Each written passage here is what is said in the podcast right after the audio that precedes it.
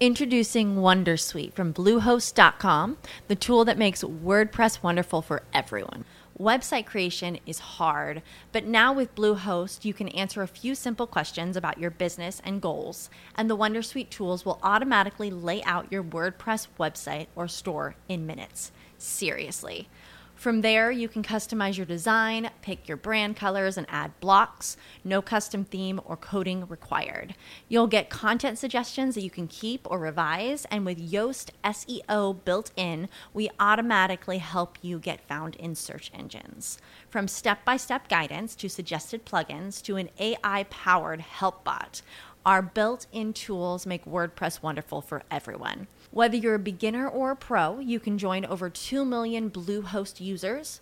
Go to bluehost.com slash wondersuite. That's bluehost.com slash wondersuite. Du lytter til Overskudd med Even og Johannes. Der er vi i gang, vet du. Jeg måtte bare trykke på Garrett. Hallo, Johannes. Hallo. Åssen har det vært?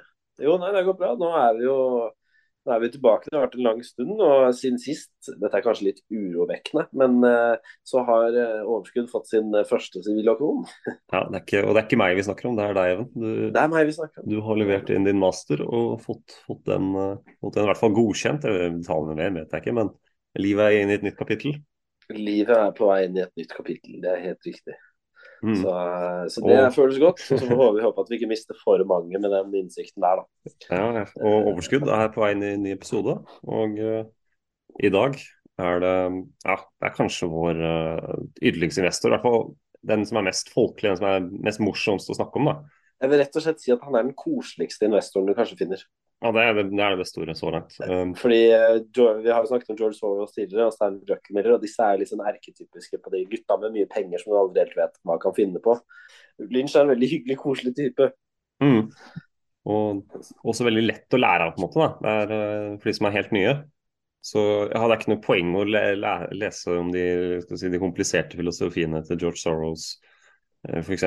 Uh, Peter Lynch sin, eh, sin metode er veldig lett anvendelig. Da. Og det, det gjør han veldig grei for nybegynnere å ta inspirasjon fra.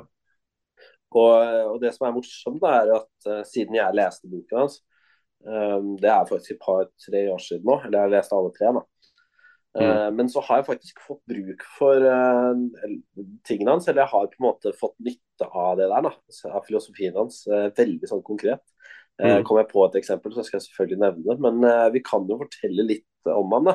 Jeg, jeg kan jo først fortelle litt om selve Lynchen sjøl, så kan jo du ta noen punkter. da. Ja. Eh, men det som er at han var jo da fundmanageren da, for noe som het Fidelity Magellan-fundet fra da 77 til 1990. Og mens Mm. han styrte dette, så var det da kanskje det mest vellykkede fondet noensinne. Han lå jo konsekvent eh, tosifret antall eh, prosent over indeksen. Eh, og jeg tror Mm. han snittet eh, var det rundt 30 prosent eh, i denne perioden. Um, Og det er en lang periode. Og det var en lang periode, og i tillegg så var fondet hans jævla svært òg. Unnskyld uttrykket, men det Mm. var det, da. Det startet ganske lite, og så ble det stort og stort. Og mye av kritikken han fikk, var det at ja, det er greit at du får det til, men det hadde aldri gått med et større fond. Eh, Men Mm. det klarte han jo, uh, og ga seg ikke på topp, men han ga seg liksom på, en, på et bra tidspunkt. da. Mm. Um, så det er egentlig det. Og så er det jo slik da at han var en folkelig investor, og du kan fortelle litt hva du mener med, hva du mente Mm. med det. Ja. Nei, altså Han har jo gitt veldig mye intervjuer eh, knytta til filosofien sin og knytta til hvordan han, eh, han tenker. I, I motsetning til mange av de tidligere har snakket om som er mer eh, innesluttet da, med hva de, hva de tenker. Og uh, En av liksom gr- grunntankene i hans filosofi det, det er å kjøpe aksjer og selskaper eller sektorer. Gjøre investeringer som du forstår, da. Som du har eh, ikke nødvendigvis en interesse for, men på en måte som du har som du klarer å se en trend ved. da, Og, og kanskje ta det som et utgangspunkt. da. Han har jo, og Vi har, jo nevnt dette eksempelet tidligere, da, hvor han har sett konas uh, kjøp av uh, var det undertøy. Jeg tror det var undertøy, en sånn spesiell forpakning. Mm. En sånn eggforpakning. Nå Mm. kan det godt hende at hvis vi har, hvis, hvis vi har noen kvinnelige lyttere, så sitter de og nik nikker av den, ja. ja det. Men i hvert fall. Mm.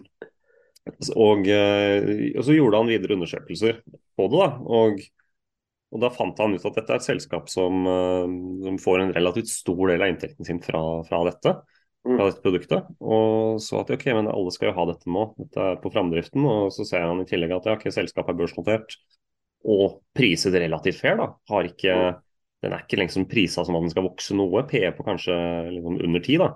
Mm. Så, og da, da blir dette her en veldig attraktiv investering, da, hvis han, og selvfølgelig gjør, gjør videre, skal si, videre analyser og ser om de andre segmentene, om det kanskje er riktig at den her ikke skal vokse i det hele tatt neste, neste ti årene. Hvis du da påstår ok, her er det kanskje liksom 10-15 vekst uh, hvert år de neste ti årene, P1 er på da 10 eller 8 eller 12, så er det veldig fair. Da er det veldig, er det veldig fair priset hvis den skal vokse i tillegg til det. Så det er på en måte finne, finne verdi der kanskje ingen andre ser det, og, og finne et fortrinn i å på en måte identifisere trender fra det faktiske liv.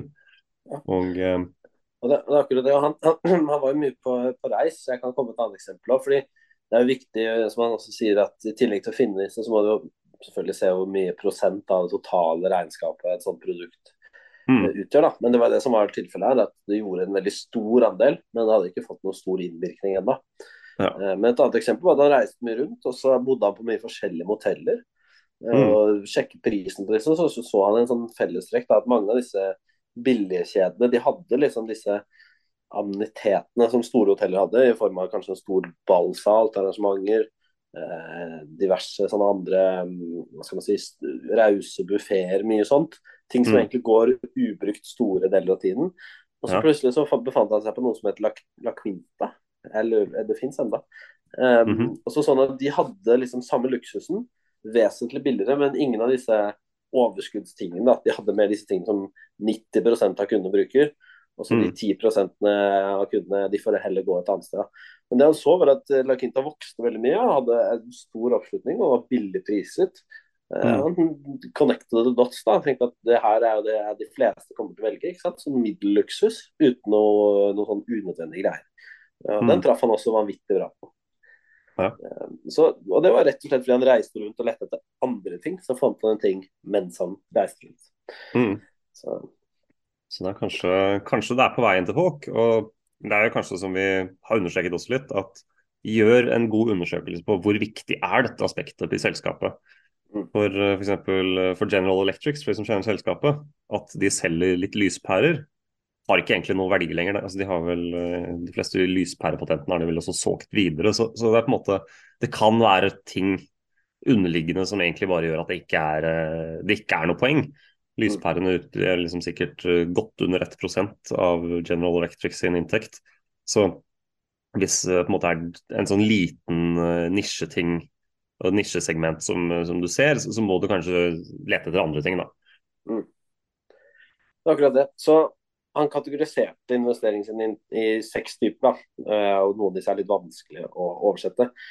Men det, men det, er viktig på en måte å vite hva du sitter med. da. Men han så på, så på de med seks ulike syn. En er slow growers, andre er stalwarts, altså de som står litt sånn stille. Mhm. Fast growers, eh, sykliske aksjer, asset place og da turnarounds. Mm. Um, og Det er litt sånn selvforklarende, da, men rett og slett så så han på det om dette var et selskap som kom til å vokse sakte, solid, fort, øh, syklisk. Øh, hvor han kunne kjøpe mye billig, det er typisk sånn value investing. Mm. Uh, og så ikke minst turnarounds, da, hvor, hvor, det er et selskap som kanskje har gjort det dårlig en periode, men hvor ting ser bedre ut. Ja. Uh, men han hovedsakelig så vil han da se etter som du sa, da, vekst på tross av ja, enkle, enkle hva skal man si, business cases. da. Ja. Han ha. Han har snakket om uh, altså det, det som man på norsk kan si vekst til rimelig pris. Uh, Mm. Growth at reasonable price uh, er et begrep som han er ganske kjent for å bruke.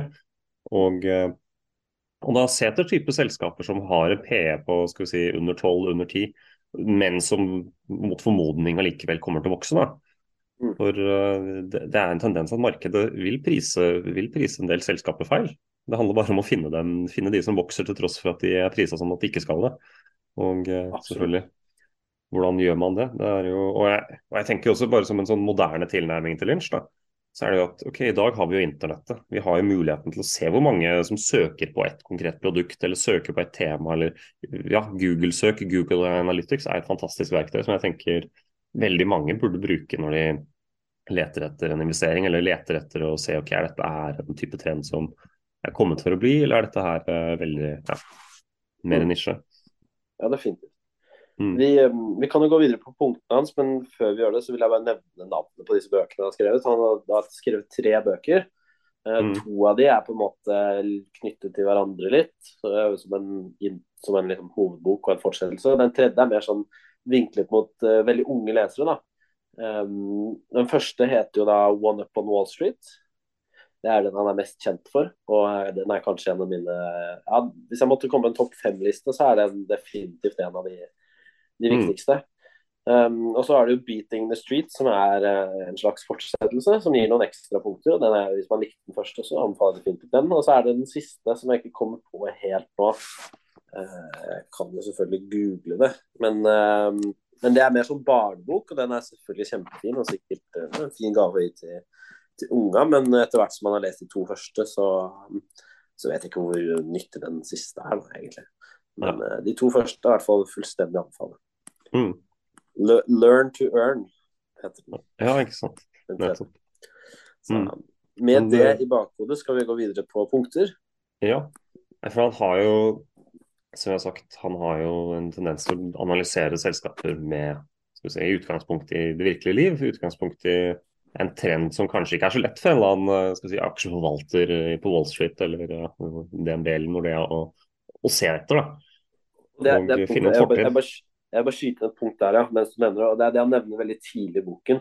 At eh, de på Wall Street er veldig nødt til å investere tungt i de som allerede ligger. altså Mye blue chip. Mm. fordi eh, Hvis disse gjør det bra, så, så vil jo folk i fondet spørre ja, hvorfor i alle dager investerte du ikke det. Det er en no-brainer at du skal investere i det. Mm. Um, og Samtidig gjør du det dårlig, ikke sant? så, så, Så gjør resten dårlig, ikke- Så gjør resten dårlig. også. det er veldig mange sirkler rundt de samme stocksene eh, som Mm. gjør at du kan vekte deg selv helt annerledes. Og eh, De har alltid vært gode for at ja, et globalt indeksfond er gull. Eh, Men som sagt, du har som investor eh, mye mer frihet da, enn det disse store gutta har.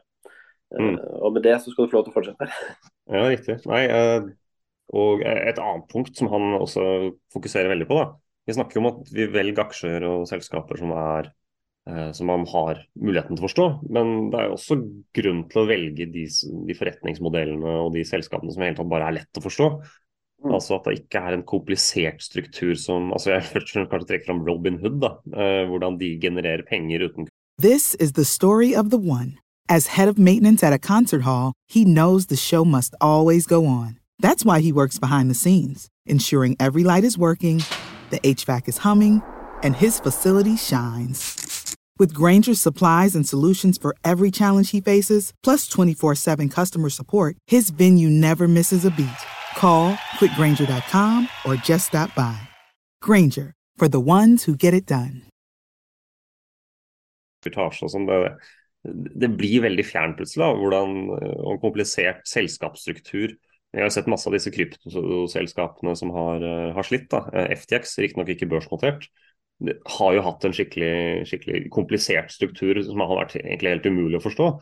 som de kanskje selv ikke har forstått. Og, eh, så det er egentlig all grunn til å velge ting som er på en måte enkelt, eh, strømlinjeformet og, og på en måte greit og forståelig. Og det er jo saken at eh, ja, Både når det kommer til språk, da. Vi har jo nevnt det tidligere at de, de selskapene som både ikke bare er enkeltstrukturert, men har, bruker enkeltspråk under presentasjonen og sånn, mm. presterer gjerne bedre. Det er ikke liksom, Går ting bra, så, så er det lett å da, da trenger man ikke bruke et komplisert språk for å underspille og si at uh, jo, men EBITDA er opp year over year, selv om uh, ja, free cash flow er uh, så, så som så. så. Mm. Så det er ikke noe, det er ikke noe som, med, med enkeltspråk og enkle strukturer så er det ikke noen, noen måte selskapene sminker seg på. Da. Da er det veldig lett å, lett å forholde seg til dem, og lett å vite om dette er en, en god investering eller ikke. Så Akkurat det. Enkelhet er kanskje det punktet oppsummert. Ja. Og det gjør det jo mye mer lett, da, fordi mye av filosofien hans at han går rundt i gata og liksom ser hva som er populært, eller hva som dukker opp. Og når det er enkelt, så er det veldig lett, fordi da er det flere som forholder seg til det. Altså, krypto eksempel, er, det er veldig på alles lepper, men, det er, men sånn, antallet men mennesker som bruker det, er fortsatt nokså begrenset, f.eks. Mm. Uh, Men sånn som med dette BH-merket som jeg nevnte, så var det jo alle i damekretsen til dama brukte det. ikke sant? Mm. Eh, og det var veldig tilgjengelig. Alle, alle, kunne forstå seg på det, og det var enkelt. Og eh, mm. han tjente grovt på det. ja, ikke sant. Og eh, et punkt til som han også vektlegger veldig, da, og vi har jo vært innom det sånn halvveis her og der, men det er jo bare faktoren PE, price earnings. Mm. Og at man på en måte ikke bare får et forhold til det tallet i seg selv, men hva det tallet sier i forhold til vekst. da. Hva kan man forvente om PE-tallet? Hvor mye, ja, okay, hvor mye, forventer vi en vekst i en PE-aksje som har 20? Og ja, hvilke differanser mellom da vekst på 35% og 25% Hvor mye forskjell utgjør det? At man, hvis man setter seg på Excel og ja, for de som kjenner eh, og vet hvordan man diskonterer eh, inntekt i framtiden for å finne en verdsettelse, så, så, skjønner man etter hvert at det er veldig stor forskjell på om det er vekst i 35 eller 25% neste neste ti eller neste fem årene. Mm. Og hadde man klarer å se på en måte, ok, her er det, her er det prisa inn en vekst som, uh, ja, som, er veldig lett å overprestere. Da. Det er veldig lett for selskapet å, å, gjøre det bedre enn det som er forventet. Og det er de type investeringene man burde gjøre. Og PE er jo også et punkt jeg tenker vi må knytte sammen med tålmodighet. For det er, dette er jo ikke noe han er ikke noe, si, noe, noe, kvantefond på noen måte. Han er ikke noen som sitter, sitter, og gjør masse forskjellige valg her og der uh, uke etter uke og gjør uh, helomvendinger hele tiden. Han er på en måte en, uh, si, en sakte value investor som lar tiden spille på din side. Da, og som lar, lar på en måte ja, la investeringene gjøre jobben sin etter at han har valgt dem. Og, det er ikke, og selv om det ikke skjer etter tre-fire år, så er det på en måte er en lang horisont. og har han rett på sin, på sin hypotese, så, så, vil det slå ut i aksjekursen til slutt. Mm. Det er akkurat det, og det er veldig interessant. fordi han, han eide også veldig mange aksjer. Han kunne, selvfølgelig Noen perioder kunne det gå lang tid mellom hvert kjøp, mens andre ganger så kunne han fort kjøpe en haug på mm. samme tid. Eh, så han satt jo på en veldig stor og bred portefølje, men likevel så, så var det det at han valgte med, med god grunn da, eh, diverse ting. og det klaffet virkelig på, på, tvers av alle disse ulike. Så hvor stor grad av diversifisering han har hatt, den må ha vært ganske stor. Ja. Men han tok ikke noe sånn han tok ikke noe sånn spesielt hensyn til makrotrender, da, hvis du kan mm. si det sånn. Hvis ja. det enkeltselskapet var bra, så, så, gikk han inn i det, uavhengig av om han hadde to-tre eh, av konkurrentene f.eks. Ja, og det, det, vi kan kanskje understreke på det også, det er jo at når du på en måte ikke tenker på makroøkonomi, når du på en måte ikke tenker ok, jeg skal gå i mer skal si, sykliske, safe sektorer, defensive sektorer som Orkla sånn, når det nærmer seg resesjon. Poenget er at har du de gode selskapene uavhengig av hvor sykliske det er, og uavhengig av hvor recession-proof det er, om du på en måte uansett går for en blanding av alt, og, det, og de valgene dine er bedre enn gjennomsnittet, så, så vil du outperforme. Da. Altså, du vil slå indeks, og det er på en måte kanskje det som er under Altså ja, slått indeks øh, og fått meravkastning på liksom ti tosifret siste Altså ja, i 23 år sammenhengende. Mm. Det, er, det, er, ganske krevende. Og, det er, ja, det er 13 år. Men likevel 30% øh, omtrent hvert år. altså Det blir jo ufattelig mye penger. Ja, riktig. Ja. Og det er jo i tillegg i perioder med med ganske mye um, ganske mye turbulens, kan du si. Mm. Er det noe mer vi kan nevne? Altså, ja, det er et siste det er punkt. mye man kan si. Uh, det, ja, det er et siste punkt jeg tenker jeg vil framheve. Og det er uh, at man måte unngår uh, de, liksom, de, de hotteste aksjene, de som alle og Vi har kanskje vært innom det, det med at han ikke skal eie blue chip. Men det, kanskje, det gjelder enda mer de aksjene alle skal kjøpe nå om dagen. Da. Den aksjen som dukker opp øverst på i Finansavisen eller 24 uke ut uh, uke inn. Mm. De er kanskje ikke de selskapene som, uh, som man får, en, får, til en god pris lenger. De, de, får litt for mye oppmerksomhet. Og, uh, og det er på en måte de, Det kan jo være at det underliggende er bra der òg, men, men, det er ikke det som er tidspunktet de er billigst på som regel. da. Det er gjerne gått i forkant når ingen, ingen snakker om den, ingen tenker på dem. Likviditeten i handelen på børs er kanskje lav. Det, det er kanskje da man finner de, de verdiaksjene da, som, eh, som Lydenskjær er ute etter. Jeg kan jo komme med et konkret eksempel fra mitt eget liv. da. Mm. Eh, SR Bank, fordi det var, dette var jo rundt korona. Ja. Um, så merket jeg meg at SR-Bank hadde en veldig sånn uh, aggressiv strategi. og Mange vil jo si at bank er kjedelig, og det kan det for så vidt være. Men, um, men jeg merket at de hadde en veldig sånn aggressiv tilnærming. For det er slik at innad i Sparebank1-konsernet så konkurrerer de ulike sparebankene mot hverandre. Så Sparebanken Østlandet konkurrerer mot SR-Bank, og de mot Nord-Norge osv. Så, videre, og så, videre. så de er frie til å gjøre hva de vil, og SR-Bank kjører en veldig aggressiv linje. Mm. Da så jeg da, dette var jo rett etter korona på en måte hadde brutt ut, at de hadde falt fra en ganske sånn eh, godt begrunnet topp fra før. Ja. Eh, med rekordresultater og god portefølje og alt var solid. Så de Mm. falt en god, god del, uh, sammen med alt mulig annet. Og det er jo mange andre kanskje hev seg inn på ting som hadde fortjent en, eh, en liten eh, korrigering. da, så, så hadde ikke SR-Bank i nærheten av samme hva skal man si, begrunnelse hvorfor det skulle gå ned så, så ned. da. Så jeg gikk jo inn eh, veldig lavt. Eh, og doblet faktisk pengene mine på den bankaksjen i løpet av et Ja. En eller annen safe bankinvestering kan doble pengene. Det, Ja, ikke sant? Det Det, det skal jo egentlig ikke gi mening, men, sånn, eh, men når du satte sammen én pluss én og Mm. liksom så hva som var greia, og så at de vokste og at de hadde fått to kontorer i Oslo av alle steder og? Når du la alt sammen og så hvor mye eh, hvordan ting lå sammen, så, så var det et naturlig og ganske enkelt kjøp. Da. ja. Og risk reward virker i hvert fall i ettertid sett på som veldig, veldig bra. Veldig bra. Så det er en av mine mer sånn, hva skal man si, vakre investeringer. Mm. Jeg, tror, jeg tror Peter Lynch hadde blitt litt stolt av det, faktisk. Ja, ikke sant. Nei, jeg skulle ønske jeg klarte å, klarte å komme på et like godt eksempel på mine egne valg.